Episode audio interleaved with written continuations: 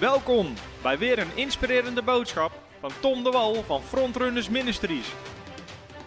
We bidden dat je via deze aflevering geïnspireerd wordt in je leven met God en opgebouwd wordt in je geloof. De wereld om je heen heeft jouw overwinning nodig, snap je het?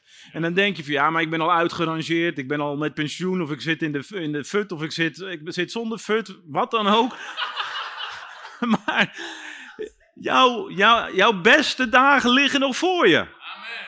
Jij kan in een paar dagen meer doen dan je tot nu toe in je hele leven hebt gedaan.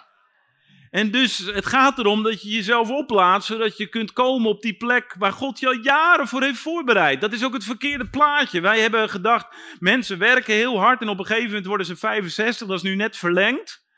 Dus met, met heel veel wijsheid hebben we bedacht, die mensen kunnen misschien ook nog tot hun 67,5 iets voor ons betekenen en daarna kunnen we ze afserveren. Nee, als je 67,5 bent, dan heb je net ontdekt hoe het leven werkt, dan moet je in je volle kracht komen. Maar wat gebeurt er dan? Denk, ja, nu ga ik uh, een camper huren en ga ik leuk een beetje toeren. Voel je niet veroordeeld? Ik weet dat dat op je.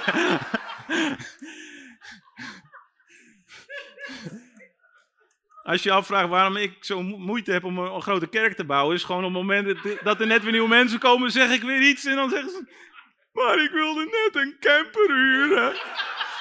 Maar je mag ook best een camper huren. Is niks mis mee. Maar, kom op, help me. We hebben nog maar 55 slides te gaan. oh, in ieder geval, Daniel. Prijs God voor Daniel. We lezen uit Daniel hoofdstuk 2. ah, dit geloof je ook wel, dit is de Bijbel. Maar laten we eventjes een stapje verder gaan. Dus hier hebben we dat, weet je, ken je hem nog, word je wel enthousiast, Daniel, weet je wel. Ik bedoel, moet wel wat diepzinnigs laten zien. Dus, Daniel had een droom. En uh, op een gegeven moment zegt hij veel uh, tegen de koning van... Uh, er komt eerst een, of er was een Babylonisch rijk, dat heeft heel lang stand gehouden. Nu zitten we in dat Perzische rijk.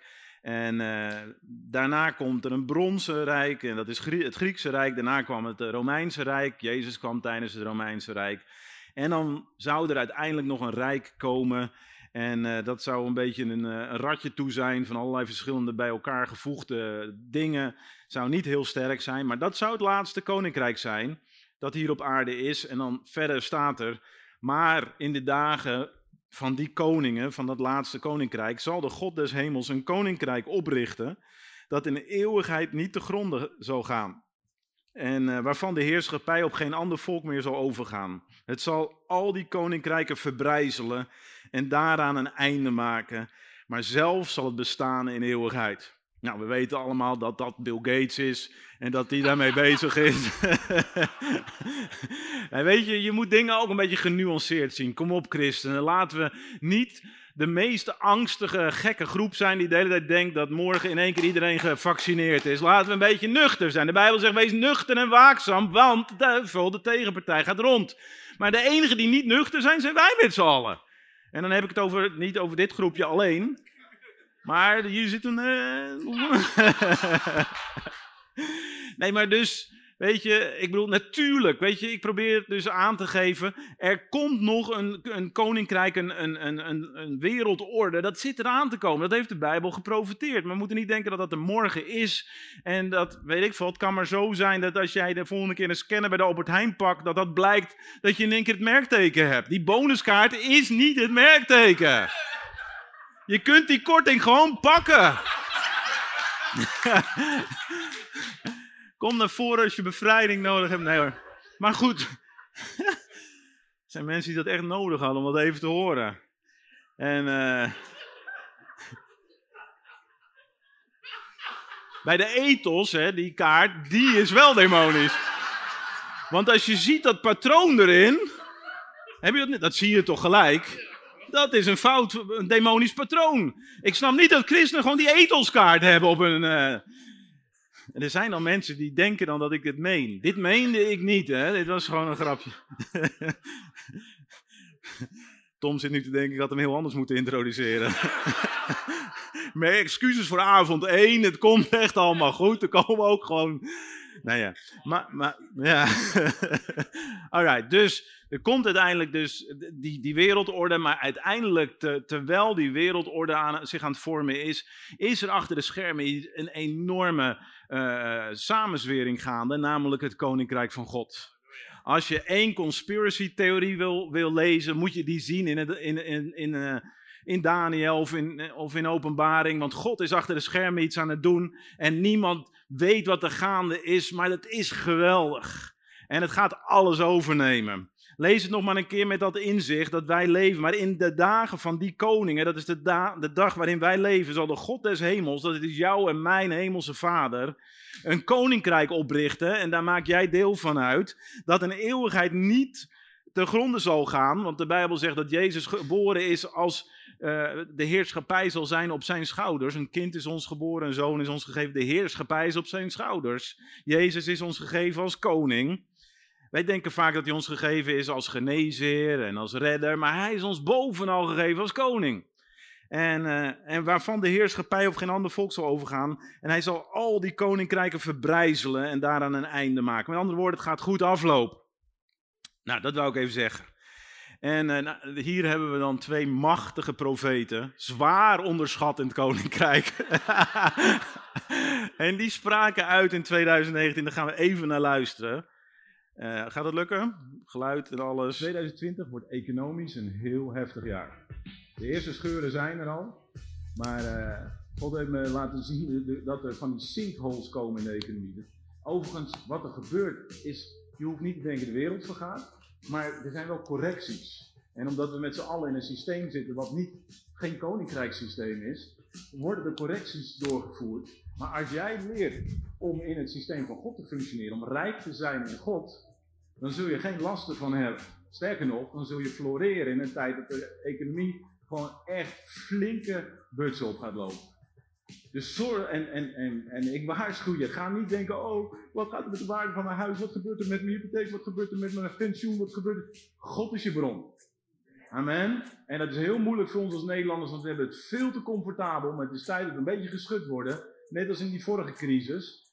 en vanuit de geest van God wist ik dat ik dat, dat we hiermee moesten beginnen. Omdat ik geloof, we gaan een jaar tegemoet waarin van alles gaat gebeuren, waarvan alles kan gebeuren. En bij sommige mensen, weet je, gaan er dingen gebeuren in je markt. Maar als je deze principes gaat toepassen en als je dit je wetenschap is, dan maakt het niet uit wat er gebeurt in je markt. Het gaat erom wat er gebeurt in je hart. En als jij dan in staat bent om je hart te richten op God en vanuit zijn bron, zal de regen je overvloedig bedekken en droogte zal je niet raken. Stormen zullen je niet raken, want de zegen van God is op. Amen. Amen. Dus een heftig jaar, maar als je leert om je hart te bewaken, dan zal het je niet raken. En daar zitten we nu middenin. We zitten in het langste jaar ooit. Weet je wel, heb je ook zoiets van, is het nou nog steeds 2020? En uh, de Amerikanen hebben al zoiets, 2021 is ook al afgeschreven. Maar uh, wij hebben nog hoop dat het nog leuk gaat worden en dat we nog op vakantie kunnen in 2021. Maar weet je, te midden van dit schudden, uh, is God iets goeds aan het doen? En eigenlijk begreep ik niet wat ik daar had gezegd. En iemand uh, reageerde, geloof ik, ook op, op Facebook van wat bedoel je met correcties? En daar heb ik ook lang over nagedacht. Heer, wat bedoelde ik met correcties? en is best makkelijk om gewoon altijd de geest van God de schuld te geven. Hè? Zo van, ja, weet ik veel wat ik bedoelde. ja, dat was echt de zalving was zo sterk. Geen idee wat ik bedoelde. Maar... Maar wat er aan de hand is, is dat wij met z'n allen in een systeem terechtgekomen zijn waar we veel te comfortabel zijn. En waar we gewoon vertrouwen op ons pensioen, op onze AOW, op wat, op, wat, Rutte nu weer bedenkt, of wat er nou weer uit de hoge hoed van het kabinet komt. En dat we gewoon denken, joh, we hebben het goed. Maar door dat schudden worden we in één keer weer op, met onze neus op de feiten gedrukt. Van nee, wij kunnen niet zomaar een beetje rondhobbelen van uh, halleluja, alles komt goed.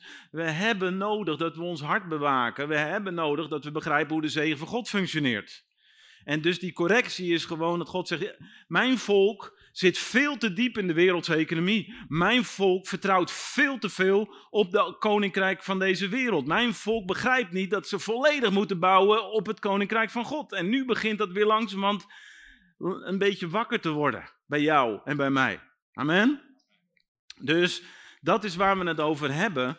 Dat, uh, dat het koninkrijk van God jouw basis moet zijn. En het koninkrijk van God werkt van binnenuit. Het koninkrijk van God is dat wat je koestert binnen in je hart.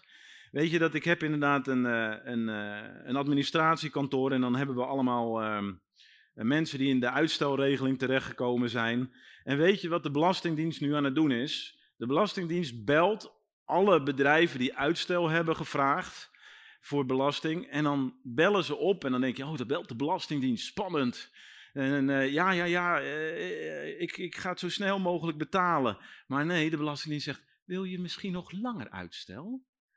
Ik wil je even eraan herinneren, dan hoef je tot 1 januari geen belasting te betalen. En dus nadat ik een paar keer gesproken heb met, met zo'n vertegenwoordiger van, van het nieuwe, de nieuwe economie, dacht ik, wat is dit jongens? Maar weet je, er is een soort sfeer nu van, kom maar bij Rutte. Kom maar, we zorgen voor je. En ik, weet je wel, niks kwaads over Rutte als persoon. Maar ik hoop wel dat we onze ogen open gaan van dit kan niet eeuwig doorgaan, maar dit is wel wat de wereld aan het vertellen is. Joh, vertrouw maar gewoon op de overheid. We hebben het goed. Het komt allemaal goed. En dan denk je van, joh, wat hebben wij toch veel beter dan Amerika? Hè? Grote puinhoop daar. Ja, maar in Amerika moet je wel echt op God vertrouwen. Soms nemen we gewoon de economie, of uh, al die boodschappen van de Amerikanen en die pluggen we hier en denken, ja, dat is het evangelie. Maar wij als Nederlanders hebben zelf ook een taak om voor God te horen. En wij moeten horen dat het onmogelijk is om gewoon maar door te hobbelen en te denken, joh, dat komt allemaal wel goed. Ik kan er heel veel over zeggen, maar dat ga ik zeker niet doen, want anders dan is de nuance helemaal weg. Maar Jeremia 17, vers 7, heerlijke tekst, gezegend is de man of de vrouw die op de Heere vertrouwt, wiens betrouwen de Heer is. Met andere woorden, je enige hoop is de Heere. Weet je, dat, woord betrouwen is natuurlijk een beetje ouderwets, maar het principe geldt nog steeds. Je kan wel zeggen, ik vertrouw op God, maar het is nog belangrijker dat alleen God de enige, het enige is waar je hoop op gevestigd is. Het is soms goed als je op zo, in zo'n positie terechtgekomen bent. Dat de medici je niet kunnen helpen, dat, dat allerlei uh, noodmaatregelen je niet kunnen helpen, de overheid kan je niet helpen, de buurvrouw kan je niet helpen, maar je kunt alleen maar nog naar God opzien. Dat zijn geen situaties waar je het graag in terecht wil komen, maar dat zijn wel situaties waar God jou graag wil hebben. Want het is, het is een feest om te leren vertrouwen op God. En dan zegt de Bijbel, hij zal toch zijn als een boom aan het water geplant die zijn wortels tot aan een beek uitslaat. Weet je, je wortels uitslaan tot aan een beek betekent dat je niet afhankelijk bent van, van omstandigheden, want je hebt je eigen beek. En die beek die ontstaat in, in, bij de troon van God. En hoe heerlijk is het dat je daar gewoon je levenssap vandaan kunt halen. Maar die wortels ontwikkel je in tijden dat je alleen maar op God kunt vertrouwen. Dus als jij in een situatie zit dat je zegt, ja, maar ik heb eigenlijk, uh, ik zou niet weten hoe het nu goed moet komen, al is het iets kleins of iets heel groots, dat is tijd dat je wortel weer groeit. Daar moet je blij mee zijn. En dan merk je het niet als er hitte komt.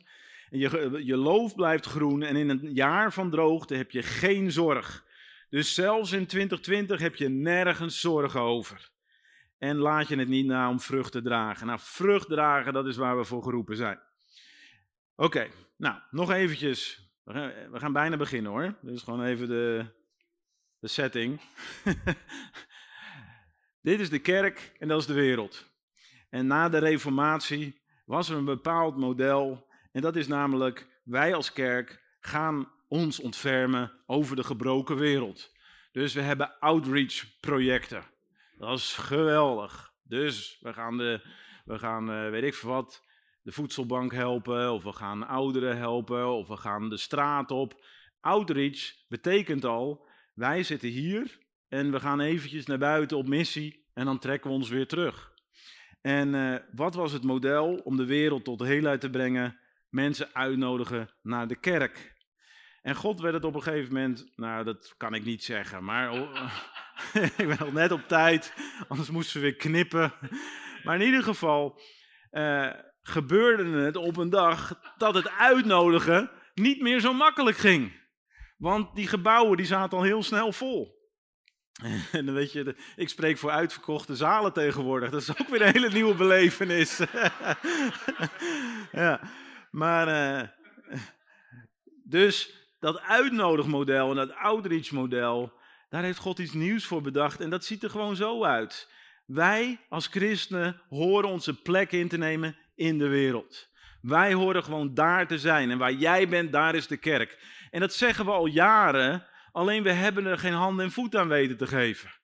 Want we, we, denken nog steeds dat we op zondag onze missie vervullen. Nee, op zondag worden we getraind voor onze missie op maandag. En dan denk ik, ja, dat weten we allemaal wel, maar hoe ga je dat nou concreet maken? Nou, dat is namelijk een beetje het kader wat ik wil brengen. Dat we moeten gaan begrijpen dat jouw rol zo cruciaal is. De wereld moet gewoon denken: wow, hoe doen ze dat?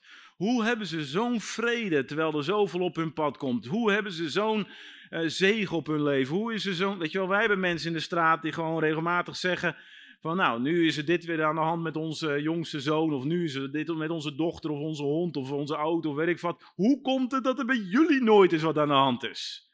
En vroeger dachten we van ja, dan moet je maar naar de kerk komen. Daar worden alle geheimen verteld. En als je dan meedoet en je tiende geeft en de toiletten schoonmaakt, dan is er een kans dat het ook bij jou steeds beter gaat. Ja, en wij hadden ook hele schone toiletten bij ons in het kerkgebouw. maar wat blijkt? God heeft ons juist geroepen om de mensen niet naar de kerk te, te brengen, maar ons naar die mensen toe te brengen. Ik zeg, weet je wel, ik bedoel, eh, in de boek Handelingen waren helemaal geen grote kerkgebouwen, maar daar was het evangelie wel machtig en krachtig. De laatste tijd zijn wij gewoon bij mensen thuis, bij ons in de straat. Gewoon bij hun thuis. denk je, hoe heb je daar tijd voor? Ja, vroeger was ik elke avond druk met de kerk. En daardoor had ik geen tijd voor de buren. Nou ja, ga er maar eens een keer over nadenken. Zoek eerst zijn koninkrijk en zijn gerechtigheid. En dit alles zal u bovendien geschonken worden. Met andere woorden, jij wordt een magneet van de zegen van God op het moment dat jij het koninkrijk op de eerste plaats zet. Dus wat dachten we? Wij gaan naar de kerk. Nee, koninkrijk. En wat is het koninkrijk? Dat is dat koninkrijk waar Daniel het over heeft. Dat is dat koninkrijk met alle antwoorden waar de wereld naar smacht en zoekt. Dat is dat Kijk, we kunnen met z'n allen zeggen: wat een waanzin. Die, dat hele gezeur rondom uh, die anderhalve meter. Wat een dwaasheid, wat een stomme regelingen.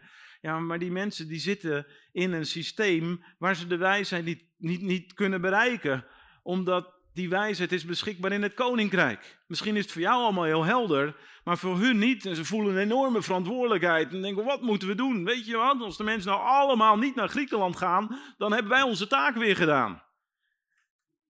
Maar zo werkt het niet. En dan kunnen wij ze wel veroordelen, maar we moeten voor ze bidden. En het koninkrijk moet doorbreken. En mijn grote vraag is: waarom zit jij daar niet als adviseur van Hugo de Jonge? Nou, heb je geen antwoord op, hè? Een heel slim antwoord was: ja, waarom doe jij dat niet? God heeft mij daar niet voor geroepen. Ik doe al zoveel dingen. nee, het lijkt me geweldig om adviseur te zijn. Wij horen daar te zijn. De Bijbel zegt dat, eh, dat eh, Spreuken 31, ooit iemand van Spreuken 31 gehoord? Nou, die man die zit in de poorten met de oudsten te vergaderen. Jij en ik, wij horen in die poorten te zitten. Wij horen daar te zitten waar de besluiten genomen worden. Maar we hebben onze invloed verloren. Er zijn, er zijn landen waar de kerk mega geëxplodeerd is, maar het land is niet veranderd. En waar wij het vandaag over gaan hebben is niet zozeer hoe we dat nou wel kunnen doen, want dat is, weet je wel, dat is, daar moet je gewoon een andere bediening voor, uh, voor volgen. En uh, aan het einde doen we een aftiteling van ga voor dit onderwerp naar die bediening en die bediening doet dat. Maar wij gaan jou gewoon toerusten om in die overwinning te wandelen. Maar ik wil dat pas doen nadat je begrijpt hoe belangrijk jouw overwinning is. Die is niet voor jou, die is voor de buren. Die is voor de overburen. Die is voor de mensen op de voetbalclub. Die is voor de, de moeders op het schoolplein. Die overwinning, die moet je naar buiten dragen. Dat moeten mensen die moeten denken van wow, wat een aantrekkingskracht heeft dat gezin. En, en dat, dat, dat moet als, als, je moet als honing zijn voor de mensen in je omgeving. Maar vaak zijn we juist degene die ze afschrikken met ons vingertje. Oh, ik zie dat jullie dat nog doen. Nee, ik ga naar de kerk, dus dat doe ik niet. Vroeger waren het ijsjes eten op zondag wat zonde was, maar tegenwoordig hebben we allerlei andere dingen bedacht. Het is zo belangrijk dat we zonder veroordeling gewoon de wereld gaan winnen. Zijn we daar klaar voor? Oké, nou dus ik begon mijn verhaal met te vertellen dat de wereld heel veel uh, kennis heeft over hoe je gewoon verder komt in je leven. En wij als christenen zijn daar heel erg voorzichtig in. En uh, ik heb hier eventjes een uh, galgje, kijken wie er wint. Vier letters, puntje, puntje, puntje, werk is de sleutel tot succes. Nou, ik geef jullie wel één letter. Hard. Hard werk. Kijk. Hard. Is iemand het eens? Hard werk is de sleutel tot succes? Nee? Oh, dan kan ik die preek ook wel weggooien. nou, goed. Ja, ik heb toch wel uh, echt, uh, ik geloof toch echt wel dat hard werk de sleutel tot succes is. Zijn jullie het nu wel met me eens? Ja, dat was even schrikken, hè? Tom was alweer klaar. Ik keek naar zijn bodyguard. Zo van, ah, dit is... Uh... jongens, uh, ja, volgens protocol. Ja.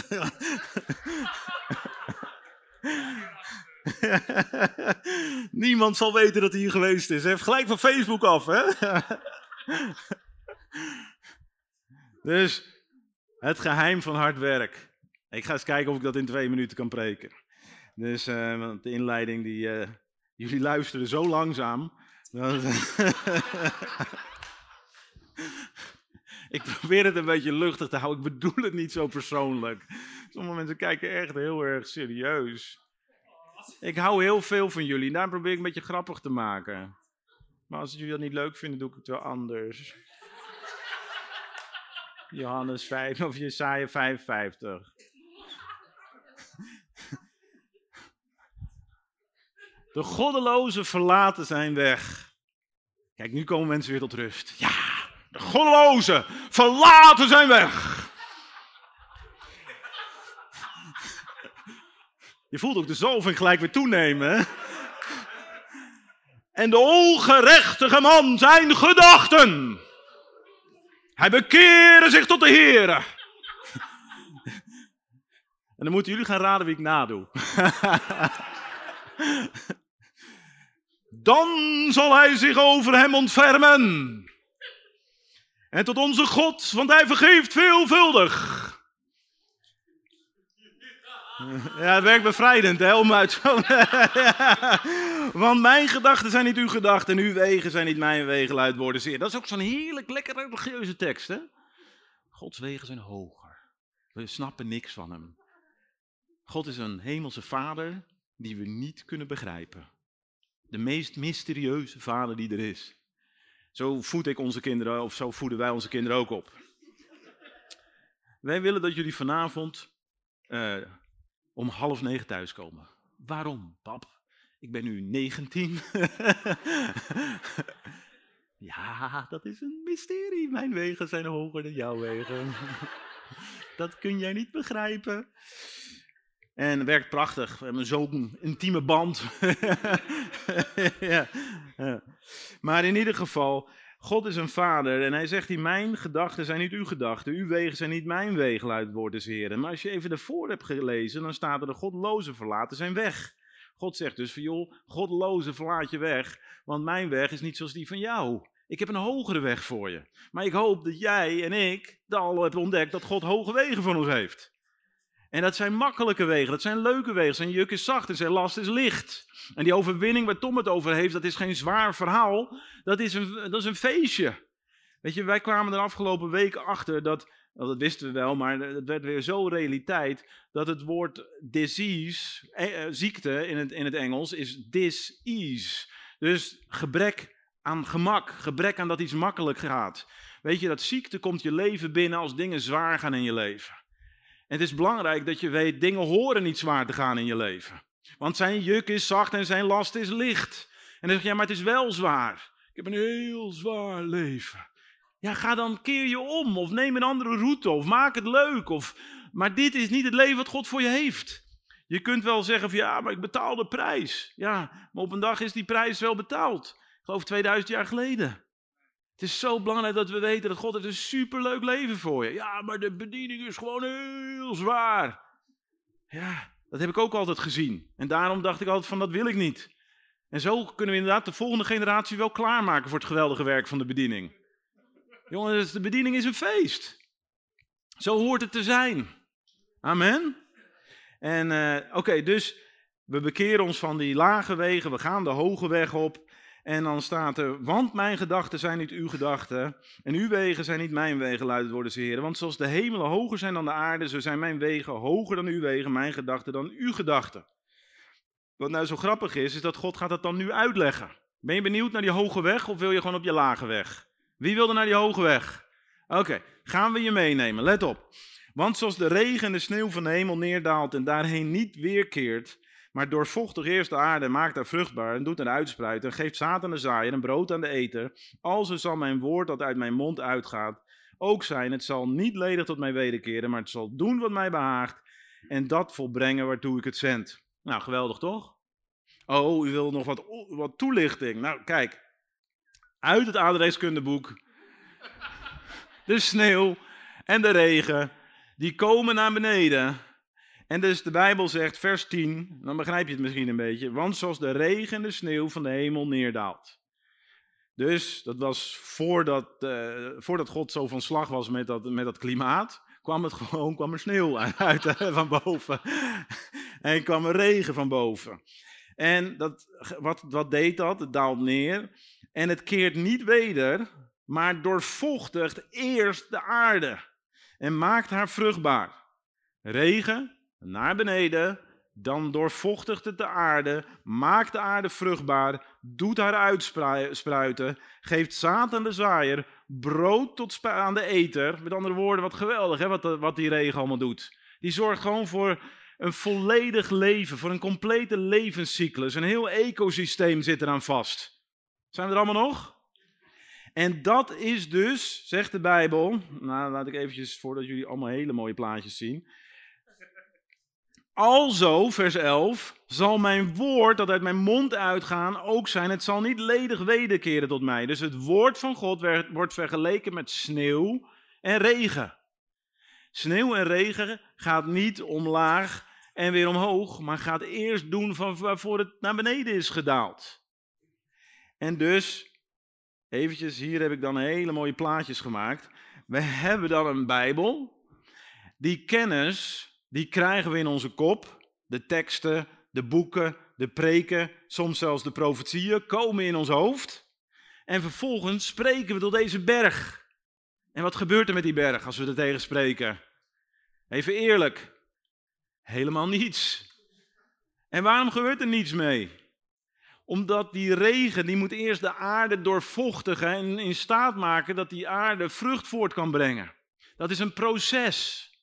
Nou, dit is het moment. Voel je hem aan? Nee. Ja, daar gaan we dan. Ik doe wel het tafeltje. Hij heeft al de hele avond zitten trillen. Wanneer mag ik optreden? En gaat dat?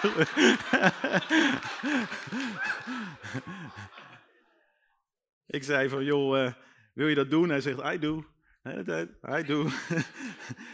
en, uh, en de lepel. Kijk, dus, oké, top. Geef hem een groot applaus. Dit is een meesterlijk. Oké, ja, dankjewel. Ja. Als jullie uitgepraat zijn, kan ik verder.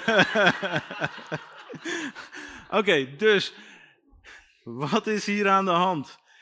We missen hier een stukje. Ik, er staat, alzo zal mijn woorden uit mijn mond uitgaan ook zijn. Het zal niet ledig tot mij wederkeren. Het zal doen wat mij behaagt. Het zal volbrengen waartoe ik het zend. Dus die berg moet wijken. En waarom wijkt hij niet? Omdat we hier een hart hebben. En op dat hart moet het woord gezaaid worden. Het zit in ons hoofd, maar niet in ons hart. Daarom zei Tom ook, we gaan in tongen bidden. Want wat gebeurt er als je in de geest bidt? Wat gebeurt er dan? Dan zegt je hoofd, je bent gek man, je bent dwaas, je bent een doorgedraaide pinkster uh, raarling. En, en dan denk je, ja maar Kusitarama, denk je, ja dat is, dat is alleen voor mensen die, weet ik veel wat, hele rare dingen willen doen. Nee, dat is essentieel. De New Age heeft allerlei technieken en God geeft ons kracht en wij zetten het aan de kant. Maar weet je dus, Bidden in tongen is het begin van een geestelijk leven. Dat betekent namelijk dat je, je verstand onvruchtbaar is. En wij als Nederlanders hebben nodig dat we minstens een paar uur per dag, nee hoor, maar wij hebben nodig dat we regelmatig ons verstand vertellen: Hallo, jij bent hier niet de baas. Jij hebt helemaal niks te melden. Mijn hart meldt aan mijn verstand en dan vertelt mijn verstand wat aan de hand is. Maar wij leven verkeerd om. Wij hebben hem verkeerd ombedacht. En frustratie hoopt zich alleen maar op, want we stoppen meer kennis in ons hoofd en minder gebeurt er in ons leven. En die kracht blijft uit. En we proberen het harder en zwaarder en meer. Zoals die profeten bij Baal. Dat, dat, dat, dat Elia zei, ja, misschien uh, is Baal met vakantie. Zo heb je ook wel eens het idee, is God met vakantie of zo? Nee, weet je wat er aan de hand is? Jij hebt vakantie nodig. Oké, dus hier hebben we een mooi voorbeeld. En ik leg straks wel uit, dit is jouw dag. Dus eh, tijdens jouw dag wordt alles een beetje troebel. Want je kinderen reageren raar, je vrouw doet iets wat je niet begrijpt, uh, je laat de pindakaas vallen en uh, je kijkt naar je banksaldo en je luistert naar de nieuwe corona-update van het kabinet. En je snapt niet waarom Messi nog bij Barcelona is en allemaal nog belangrijker dingen. Dus en eigenlijk is je, is je, je leven een beetje troebel geworden. En uh, daar gaan we het straks over hebben. Ik zal dit straks uitleggen. Dan blijf je erbij. Anders ga je nu naar huis en denk nou, laat die man maar. Dus het keert niet ledig weder. Zeg maar even Gods woord. Keert niet ledig weder. Weet je wat er aan de hand is? Op het moment dat wij beleidenissen doen en we hebben het nog niet in ons hart gesetteld, dan doen de beleidenissen meer kwaad dan goed. En ik denk dat het tijd is dat wij als geestvervulde, alleswetende geloofschristenen eens gaan vertellen, jongens, het is geen trucje. We kunnen wel zeggen, zeg mij maar na, door de streamen van Jezus ben ik genezen. Maar weet je wat nog belangrijker is? Dat rode trajectje van je hoofd naar je hart. Dat je tijd neemt om in alle rust het woord van God te verwerken. Als ik je uitnodig voor, voor uh, uh, weet ik wat, een maand lang all-you-can-eat restaurants. Voor ontbijt, lunch en avondeten. En uh, zoals de meeste mensen is dat toch wel pittig om dan, om dan echt heel weinig te eten. Dus dan eet je toch redelijk veel. Dan heb je toch af en toe ook zoiets van, ik heb er mijn buik vol van. Ik moet eventjes rustig aan doen. Toch? Maar op een of andere manier hebben we dat niet met het woord. We kunnen, we kunnen preken horen, we kunnen zelfs profetieën horen, we kunnen, maar we hebben nooit zo'n moment, laat ik dat nou eens gaan verwerken. Laat ik nou eens tijd nemen om dat echt te laten indalen. Laat ik nou eens, weet je, Kenneth Hagen zei, ik neem, ik neem het woord, ik ga erop kouwen, ik ga erop zitten en op een gegeven moment voel ik dat het mijn geest inglijdt. Ik weet nog dat ik dat een keer hoorde en toen was ik uh, jong en vurig. En wat ben je nu dan? en toen dacht ik, wow, dat wil ik ook. Ik wil dat ook ervaren. Ik wil dat woord nemen en op een gegeven moment merken dat het mijn geest binnenkomt. De Bijbel zegt dat de mens zal niet leven van brood alleen, maar van elk woord dat uit de mond Gods uitgaat. En toen dacht ik van ja, we moeten leren om dat woord te eten. En dat, hebben, dat leren we elkaar niet. Waarom niet? We, willen, we zijn zo geprogrammeerd dat het, het moet opwindend zijn, het moet feest zijn, het moet aanbidding zijn, er moet bemoediging zijn, er, moet, eh, weet je wel, uh, er wordt voor je gebeden en er gebeurt van alles en de lichten flitsen en de muziek is nog heftiger. Dat is allemaal prima, dat is allemaal goed. Maar ondertussen verliezen we de kracht. En dan kunnen we, de meeste van jullie weten misschien dat wij bijbelse meditaties hebben uitgebracht. Dat is hartstikke goed, maar daarmee is onze missie niet volbracht. Er is nog zoveel te doen. Er is nog zoveel te doen om te zorgen dat christenen begrijpen dat stille tijd misschien wel het meest schadelijke is wat we ons ooit hebben, eh, hebben opgelegd. Ik zeg gewoon af en toe wat chockerende dingen. Nou, hoe gaat het zich daar nou weer uitpraten? Maar in de, in, in de wereld hebben ze het over succesgewoontes. Wij hebben het over stille tijd. In de wereld zeggen ze, joh, dit is super kikker, want dit doet Jim Carrey doet dit en Oprah Winfrey doet dit en, en, en, en dit doet uh, Steve Jobs deed dit en weet ik veel wat, dit werkt. Oh gaaf, dat ga ik ook doen. En dan kom je hier bij de jeugd, ja, we hebben een bijbelleesrooster en als je geen stille tijd hebt, dan, ja, dan is het vuur weg en dan ga je stomme keuzes maken. Tijd met God, stille tijd, elke dag. Ja, ja, ja, is wel goed, is wel waar. Ja, dat moet ik toch maar weer doen. Dus ja, we leggen elkaar van alles op, maar waarom noemen we stille tijd niet voortaan? Wij doen dat althans, bij ons op de jeugd heet stille tijd succesgewoontes. En één daarvan is, is Bijbel lezen bijvoorbeeld en bidden en in tongen bidden, maar er zijn er veel meer. Maar weet je, als we ze niet in de Bijbel kunnen vinden, dan hebben de meesten iets van, joh, maar laat zitten, want we weten het niet zeker. Maar dat rode trajectje, dat kennen we gewoon niet. Dat is mijn missie. Mijn missie is om, om, om mensen dat rode trajectje te leren. En als we dat aan de praat hebben, dan is er zo'n kracht. Dan ga je vrucht dragen. Dan ben jij als die man al wat hij onderneemt gelukt. De Bijbel zegt in Psalm 1. Weet u nog, al wat hij onderneemt gelukt? Nou, hoe komt, is er wel eens iemand hier wel iets niet gelukt is? Dan moet je teruggaan in die psalm. En dan staat er dat hij Gods woord overpijnst bij dag en bij nacht. En dan ben je als een boom die vrucht draagt, vrucht draagt, vrucht draagt. Vrucht, wij, wij zijn allemaal aan het werken, we zijn allemaal dingen aan het doen. We moeten vrucht dragen. Vrucht dragen, dat vraagt niks anders dan, dan niks. Vrucht dragen. De, de bekende perenboom. Vraag maar eens aan een perenboom wat hij allemaal doet. Zeg perenboom, heerlijke peren heb je dit jaar weer voortgebracht. Ja, dat klopt, maar het was hard werk hoor dit jaar. Zo, man, man, wat heb ik hard gewerkt. Wat heb je allemaal gedaan dan? Poeh, nou, rennen, water halen. En, eh, eh, ja, ik moest van alles doen. Al- Alles in de gaten houden. Wat is dat nou voor onzin? Een perenboom is gewoon een perenboom. En zonder dat hij het weet, draagt hij vrucht. En daar moeten wij komen, op dat punt moeten wij zijn. En dat is waarom succesgewoontes werken. En dat is waarom wij bepaalde eh, gewoontes weer moeten omarmen. En ik ga er vanavond eentje uitnemen in de komende twee minuten.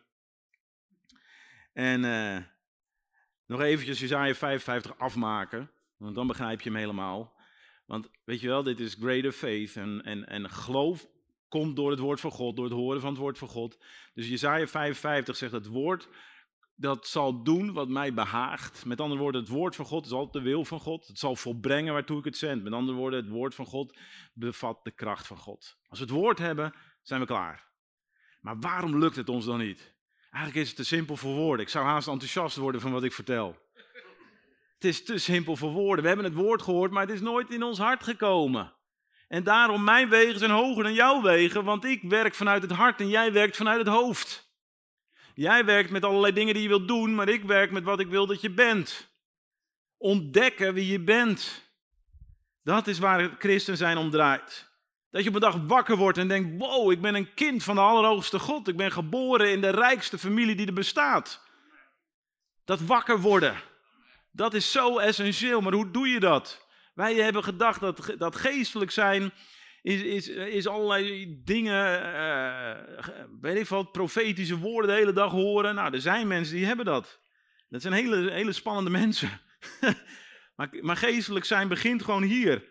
Namelijk het woord van God leren omarmen. Hoe doe je dat? Maak het woord persoonlijk. En maak het woord tegenwoordige tijd. Heb je toch nog iets aan Nederlands gehad? Dus zorg ervoor dat je weet, het is een nu. En uh, als je een psalm leest, dan lees je niet een psalm over David, maar dan lees je een psalm van jezelf. Want ik ben als een man geplant aan waterstromen.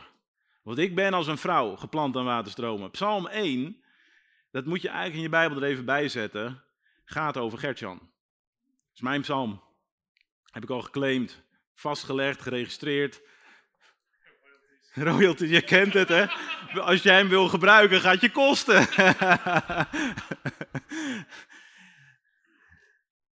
maar uh, er, is, er is, even om het heel praktisch te maken, er is geen nacht die voorbij gaat zonder dat ik Psalm 112 mezelf toe-eigen. Psalm 112, dat beschrijft mij tot in detail. Niet te geloven hoe dat mij beschrijft.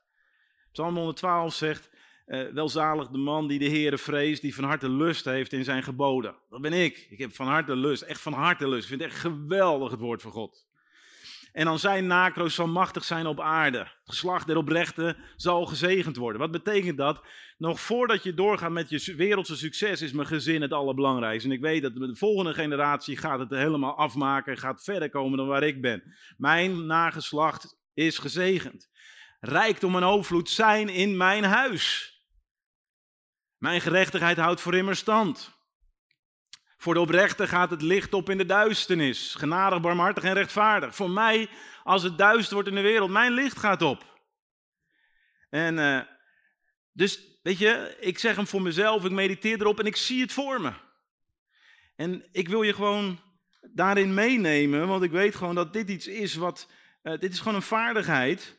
En op een of andere rare manier heeft New Age dat helemaal tot in detail hebben ze daar, uh, hebben, is het ze gelukt om daarmee aan de slag te gaan. Maar wij als christenen hebben zoiets van niet aankomen. Kijk uit.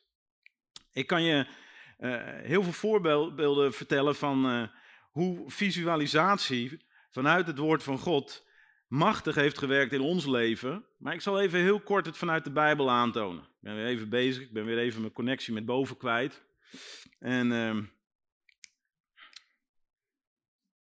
daar is die. Dus, eens even kijken hoe ik het. Ik, dus, nou denk eens aan Maria. Ik ga gewoon heel snel door wat tekst heen. Maria bewaarde al deze woorden, die overwegende in haar hart. Weet je, als de engel tegen, tegen een van ons had gezegd: Joh, je zult zwanger worden van een zoon, dan uh, was het niet eens in je hart terechtgekomen. Hadden we Jezus nooit gehad. Maar Maria bewaarde al deze woorden, die overwegende in haar hart. Daarmee aan de slag gaan in haar hart. Weet je, het is fijn dat we Maria zeggen, oh, dat is zo'n heilige vrouw en vereren haar. Het is veel belangrijker om haar te kopiëren. Dat je ook haar, ook die woorden gaat overwegen in je hart. Jezus zegt dat hij niks doet en zij de Vader ziet doen. En eventjes, gewoon grappig, dat uh, het gebedsleven van Petrus, de volgende dag, terwijl deze onderweg waren en de stad naderde, ging Petrus omstreeks het zesde uur op het dak om zijn gebed te verrichten. Hoe zou dat eruit gezien hebben, dat gebed? In ieder geval, hij werd hongerig en verlangde te eten. Nou, dat is, zo gaat het bij jou waarschijnlijk ook altijd. Als je net begint met bidden, denk je, oh, En terwijl men iets gereed maakte, geraakte hij in extase. Dat is het Griekse woord. Weet je, hoe, hoe vaak raak jij eigenlijk in extase eh, tijdens je gebedstijd? En uh, ik, ik weet niet hoe ik dit overbreng, maar het plaatje van Petrus en zijn gebedstijd, dat was niet. En ik bid ook voor Paulus dat hij het gaat inzien. En ik bid ook voor. Nee, hij was gewoon in de aanwezigheid van God. En hij kwam in zinsverrukking. Een hele leuke vind ik hier. En de Heere zeide tot hem, dat is volgens mij Ananias. Dus dit is handelingen, dit is de kerk die, we, die, die wij zijn. Dit is waar we de identiteit van de kerk vinden.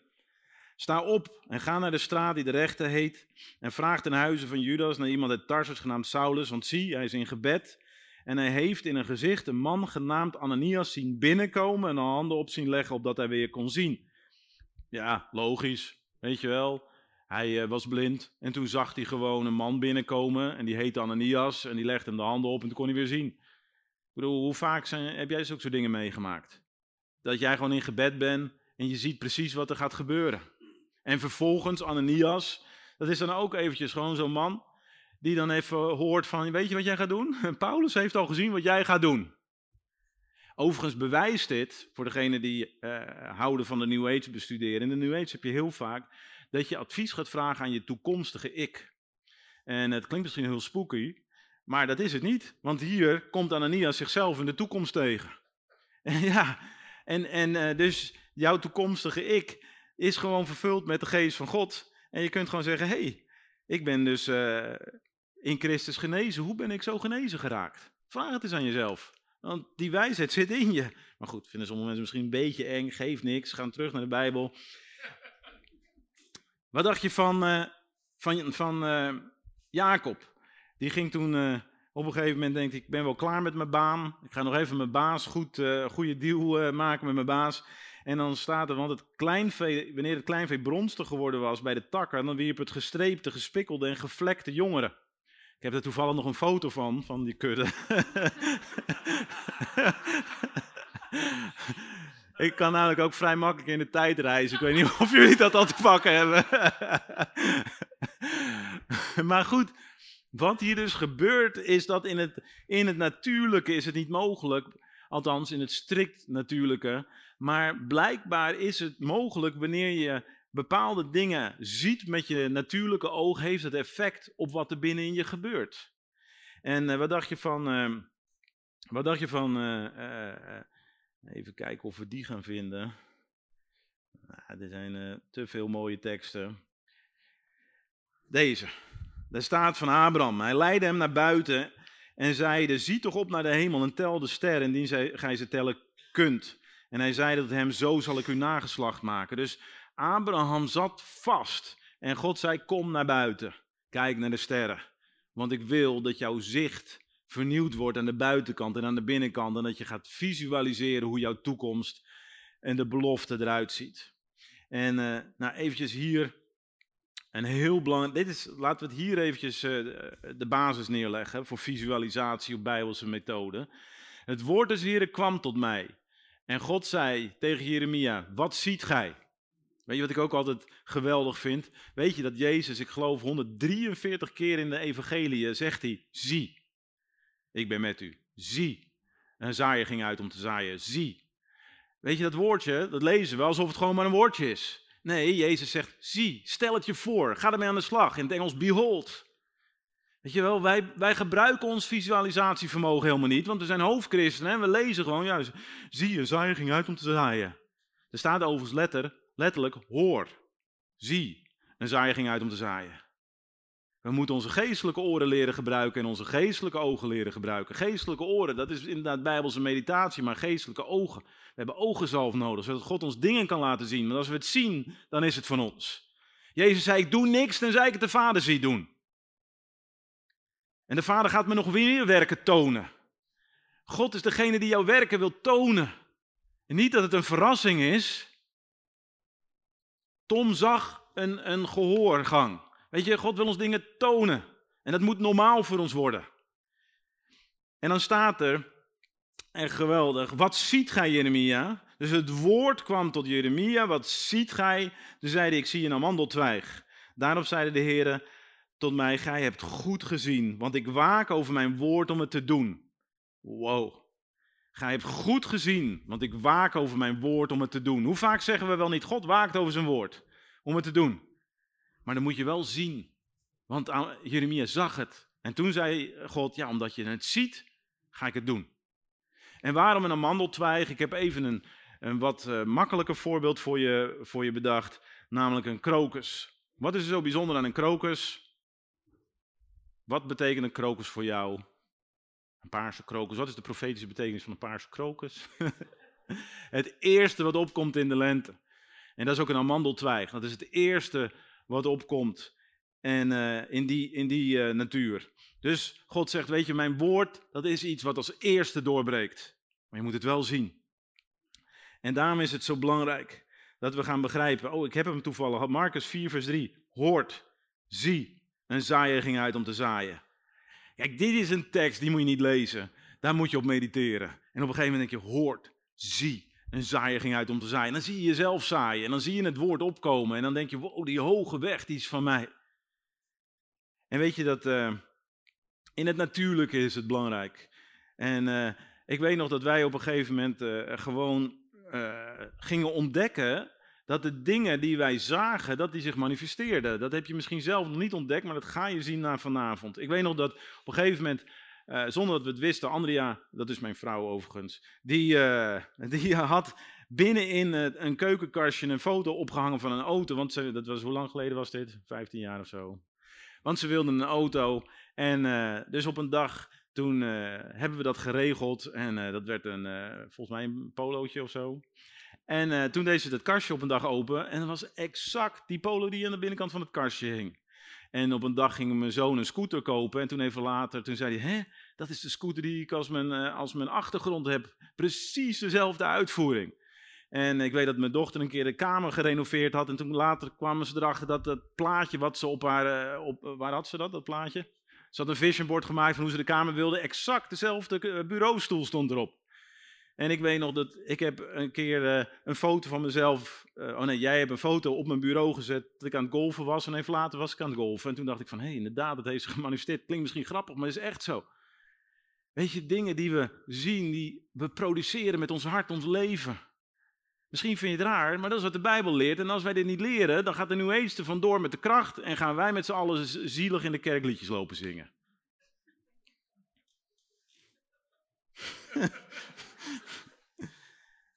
Ik heb er heel veel over te zeggen, maar ik ga afronden. De verkeerde visualisatie is zorgen maken. Jij, ik kan bewijzen dat je heel goed kan visualiseren, want je kunt je allerlei dingen voorstellen. Weet je wel, als je dochter laat van huis komt, dan zie je al hoe veertien mannen haar bespringen onderweg. En als je zoon een keer, weet ik van wat, eh, niet van voetbal thuis komt, dan denk je ook weer, dan hoor je een ambulance en dan stel je hoe je dan straks het ziekenhuis toe rent en weet ik van wat. Allerlei scenario's spelen zich heel makkelijk af in je hoofd. Maar het is tijd dat we de hemelse scenario's in ons hoofd afspelen. Want de Bijbel zegt, uw koninkrijk komen, u wil geschieden gelijk in de hemel als ook op de aarde. En een van de belangrijkste dingen, daarom heb ik dit hele ding meegenomen. Waarom heb ik dit ding meegenomen? Zie je dat er net het troebel was. Het is nu nog niet helemaal helder. Maar waarom is het helderder geworden? Door rust. Zegt de Bijbel niet dat door bekering en rust, dat je daardoor verlost zou worden? Wij proberen onze verlossing te bewerken. Maar rust is het antwoord. Gewoon rust inbouwen in je leven. De duivel zorgt ervoor dat we al door druk zijn. En daardoor verliezen we kracht. En daardoor gaan we in werk allerlei dingen doen. En weet je, als ik dus zeg, je moet stille tijd hebben, dan ga je hier vermoeid naar huis. Van, oh man, bijbelleesrooster. Nou, ik kan nu nog beginnen. 17 september, moet ik wel een beetje hard door. Ja, ik moet die Bijbel uit hebben voor 31 december. Nee, je kan beter op één tekst kouwen totdat die deel van je is geworden. Dan dat je als een gek dat Bijbelleesrooster doorgaat, doorgaat uh, in de hoop dat God onder de indruk is van je, van je leessnelheid. Ik wil niet dat je. Kijk, het is wel stille tijd, maar dan een nieuwe definitie. Gewoon tijd in de stilte. Tijd in de rust. Verkeerde visualisatie is visualisatie zonder de geest van God en zonder het woord van God. Weet je, mindfulness, uh, daar kunnen we nog van zeggen, ja, is dat fout, is dat niet fout? Nou, ik heb er van alles over te zeggen, laten we zo zeggen. Het is gewoon beter om alles te doen met het woord van God, met de geest van God, in, de, in intimiteit met God. Maar uh, uh, visualisatie zonder God is echt geen goed plan. Waarom niet? Omdat je geest, of omdat je vlees allerlei dingen kan, uh, naar boven kan brengen. En dat kan ervoor zorgen dat je allerlei beelden krijgt waar je achteraan gaat en die zichzelf manifesteren in je leven. Het is zo belangrijk dat je dat met God doet. En uh, even kijken hoor. Ik heb bijvoorbeeld. Um, is dit een mooie tekst? Ik heb hier, denk ik, een mooie tekst. Spreuken 16, vers 3. Wentel uw werk op de Heer en uw plannen zullen bevestigd worden. In het Engels staat er: Commit your works to the Lord and your thoughts will be established. Met andere woorden, als je zegt: Heer, ik ga nu in uw aanwezigheid kijken naar mijn toekomst. Laat me zien. Weet je wel, wat geen oog heeft gezien, wat geen oor heeft gehoord, wat in geen mensenhart is opgekomen, heeft de geest van God ons geopenbaard. Wat God heeft klaargelegd voor degenen die hem lief hebben. God heeft dingen en hij wil het je tonen. En wat ik dus merk is, is uh, als ik tijd neem met God om dingen voor te stellen, dan zijn er, als ik me afstem op de geest van God, dan zijn er dingen die ik gewoon niet kan zien. Dan, weet je wel, dan uh, laatst was ik bezig met uh, me voor te stellen, een nieuw kantoor. En uh, voor, voor een van mijn bedrijven, het lukte me gewoon niet. En toen kwam ik erachter, dit is ook helemaal Gods plan niet. Weet je wel, dat kan ik wel willen, maar het lukte me niet. Ik zag mezelf daar niet. En, en, maar op het moment dat ik, over, als, dat ik mezelf zie in het volgende huis, dan heb ik zoiets dat God echt zegt, ja kom op zeg. Weet je, ik bedoel, u wil geschieden in de hemel, al zo ook op de aarde. Wat denk je dat je voor huis hier hebt? En dan probeer jij volgens je aardse voorbeelden een beetje voor te stellen hoe dat gaat worden. Weet je, laat God dan dingen aan je laten zien. En dan zul je zien dat jouw hart in staat is om alles te produceren, want zijn woord is zijn wil en is zijn kracht. Dus um, even de stappen. Bijbelse visualisatie. Besef je hoe belangrijk je voorstellingsvermogen is. Besef je dat het essentieel is, dat de Bijbel er vol van is, dat Abraham is onze vader in het geloof en God gebruikte de sterrenhemel om hem te helpen om zijn voorstellingsvermogen weer schoon te wassen na alle teleurstelling. En God wil jou, alles wat er gebeurd is, heeft jou geprogrammeerd, want het zal wel nooit meer worden dan dat. Maar God neemt je mee naar buiten en gaat je dingen laten zien die je nog nooit had durven zien. En dan vervolgens reken af met vervuiling van je geestelijke ogen. Weet je, op een gegeven moment ga je begrijpen dat bepaalde uh, zonde, dat is niet eens zozeer heel schadelijk voor, uh, voor je leven, maar schadelijk voor je geestelijke ogen. Die wil je zuiver houden. Je wil gewoon dat als je ogen dicht doet, dat je kunt nadenken en dat God je dingen kan laten zien. Vraag God om je ogen te verlichten. Efeze 1, Heer, verlicht de ogen van mijn hart zodat ik zie de hoop die uw roeping wekt, de heerlijkheid van uw erfenis bij de heilige en de geweldige grootheid van uw kracht. God wil het je laten zien. En word een beelddenker. Weet je wel, we zijn allemaal gericht op, op tekst. Maar God wil je gewoon dingen laten zien. Blijf nuchter en waakzaam. Ga niet een beetje denken, oh, ik zag dit, het zal morgen zich manifesteren. Nee, als je dingen ziet, dat betekent dat je hart het aan het verwerken is. Die regen, die moet je hart doorvochtigen. Dat woord, dat moet je hart doorvochtigen. Dus je neemt de Bijbel als basis. De basis is, je gaat in de aanwezigheid van God in, je gaat die rust nemen, je laat de geest van God het woord visueel maken.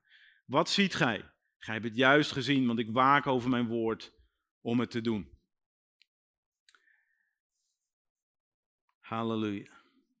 Is het een beetje, heb ik een beetje onderwijs gegeven? Zegt er iemand van, joh, laten we nog even een paar minuten een oefening doen erin. Zeggen jullie, we willen liever mededelingen?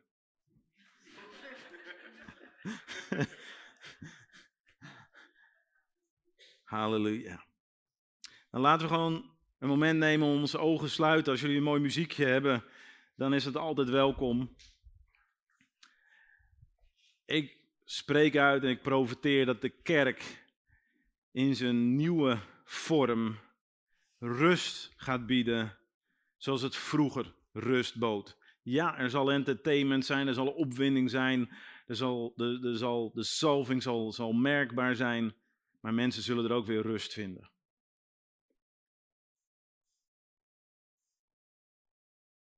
En dat is wat de geest van God ook wil zeggen tegen jou. Je hebt gezocht naar antwoorden, maar het antwoord is gewoon, kom in de rust en ik kan je alle dingen weer helemaal helder laten zien. Je hebt gedacht, wat klopt er allemaal niet in mijn leven? Maar wat er niet klopt is simpelweg dat je energie op is. En je dingen niet meer ziet vol van de bedoeling die ik eraan gegeven heb. En je leven is leger geworden terwijl je eigenlijk nog helemaal in je bestemming bent. Je hebt allerlei dingen willen veranderen. Terwijl het enige wat je moet veranderen is gewoon leven vanuit mijn rust. Zodat je vrucht kunt dragen. Ik wil je verleiden, zegt de geest van God om in een nieuwe economie binnen te gaan. In een nieuwe manier van leven binnen te gaan. In een diepe rust binnen te gaan. Ik wil dat je begrijpt dat als je tijd neemt aan mijn voeten, er heel veel gebeurt in je leven. Tijd in mijn aanwezigheid is geen verloren tijd.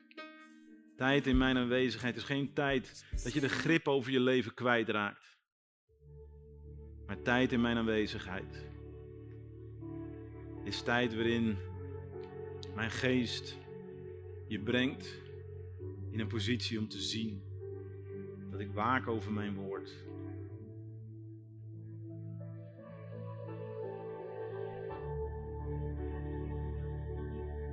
Stop ermee om te zeggen: Ik zie mezelf nooit in zo'n auto rijden. Ik zie mezelf nooit zo'n bijbelschool doen. Ik zie mezelf nooit in zo'n functie. Ik zie mezelf dat. Ik, ik kan me niet voorstellen dat. Want vanaf vandaag noem ik jou een sterrenkijker. Zoals Abraham, zo wil ik jou naar buiten leiden. Naar buiten waar geen beperking is. Naar buiten waar geen plafond is op je leven. Naar buiten waarin alles wat er in je leven gebeurd is, geen invloed meer op je heeft. Ik neem je mee naar buiten. Het is een heerlijke avond. En ik ga je laten zien dat jouw toekomst groter en mooier en heerlijker en relaxter en leuker is dan je ooit had kunnen voorstellen. Mensen gaan zich afvragen hoe het komt dat dingen in je leven zo goed gaan. En ze zullen ontdekken dat jij net als Maria, gekozen hebt voor het goede deel.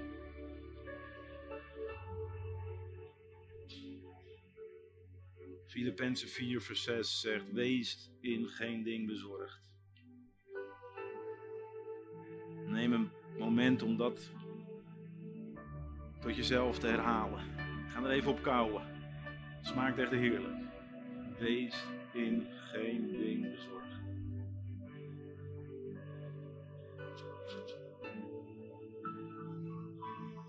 Hoor als het ware dat Jezus dat tegen jou zegt. Joh, wees in geen ding bezorgd.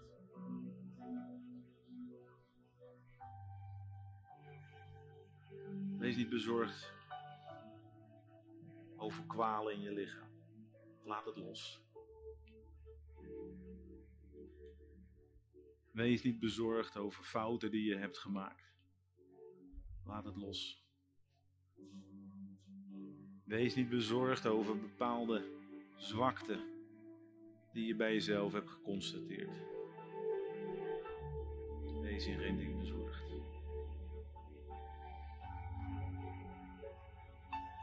Maar laten bij alles, door gebed en smeken, uw wensen bekend worden bij God met dankzegging.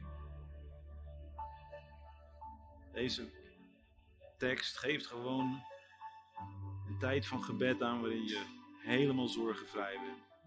En vervolgens ga je je wensen met God bespreken. En dan de vrede die alle verstand te boven gaat. Gaat dan je hart, je verstand bewaken.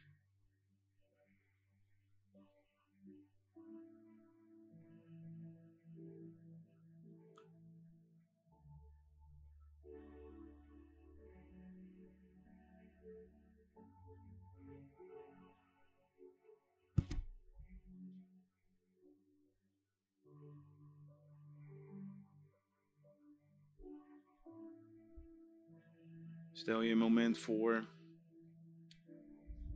dat je in een auto aan het rijden bent. Ik zou een beetje helpen, want het is nog steeds die heerlijke zoele avond en het is een cabrio. Kies zelf of jij rijdt of dat je een bestuurder hebt en dat je ernaast zit. En je gaat naar een leuke plek en je hebt er zin in.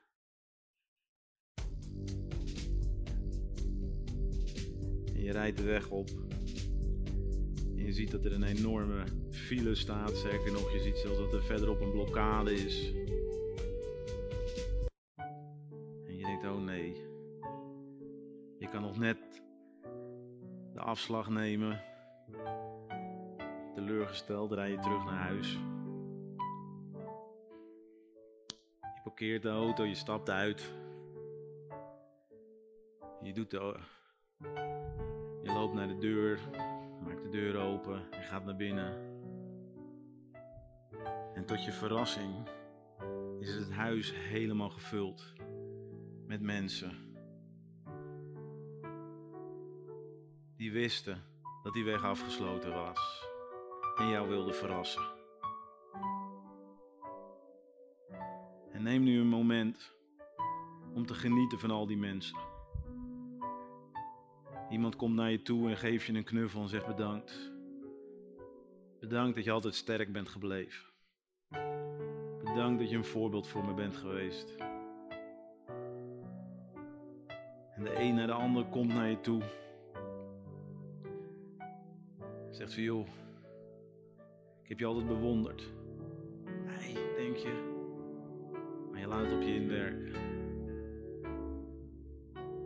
Bedankt dat je er altijd voor me geweest bent. Bedankt dat je er altijd voor me bent. De een naar de ander.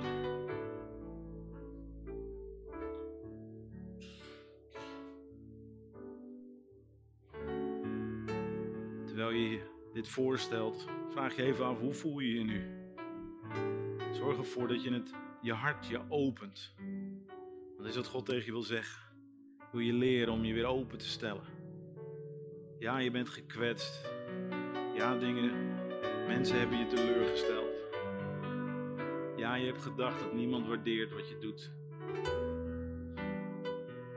Maar voordat het leven weer kan stromen, is het belangrijk dat je weet dat je geliefd bent. Belangrijk dat je weet dat je gewaardeerd bent. Belangrijk dat je weer in staat bent om te verbinden met de mensen om je heen.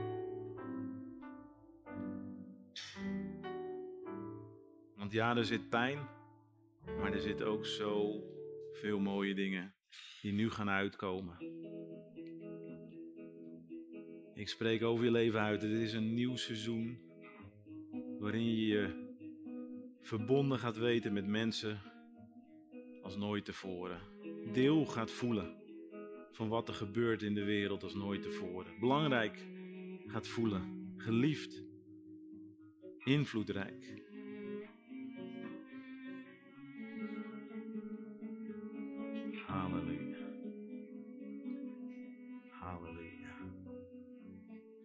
Halleluja. Vader God, ik spreek uit over degenen die dit horen. Degenen die in de rust zijn. Neem die mentale keuze om daar waar je nu bent, om daar regelmatig terug te komen. Jezus zei niets goeds over Martha die zo druk was. Ze zei alleen maar Maria heeft het juiste deel gekozen. Neem die keuze vandaag. Daarmee ben je geen softe, rare christen. Nee, daarmee schaar je je bij degene die succesgewoontes ontwikkelen. In de rust, in de toerusting van God. Halleluja in Jezus' naam. Amen.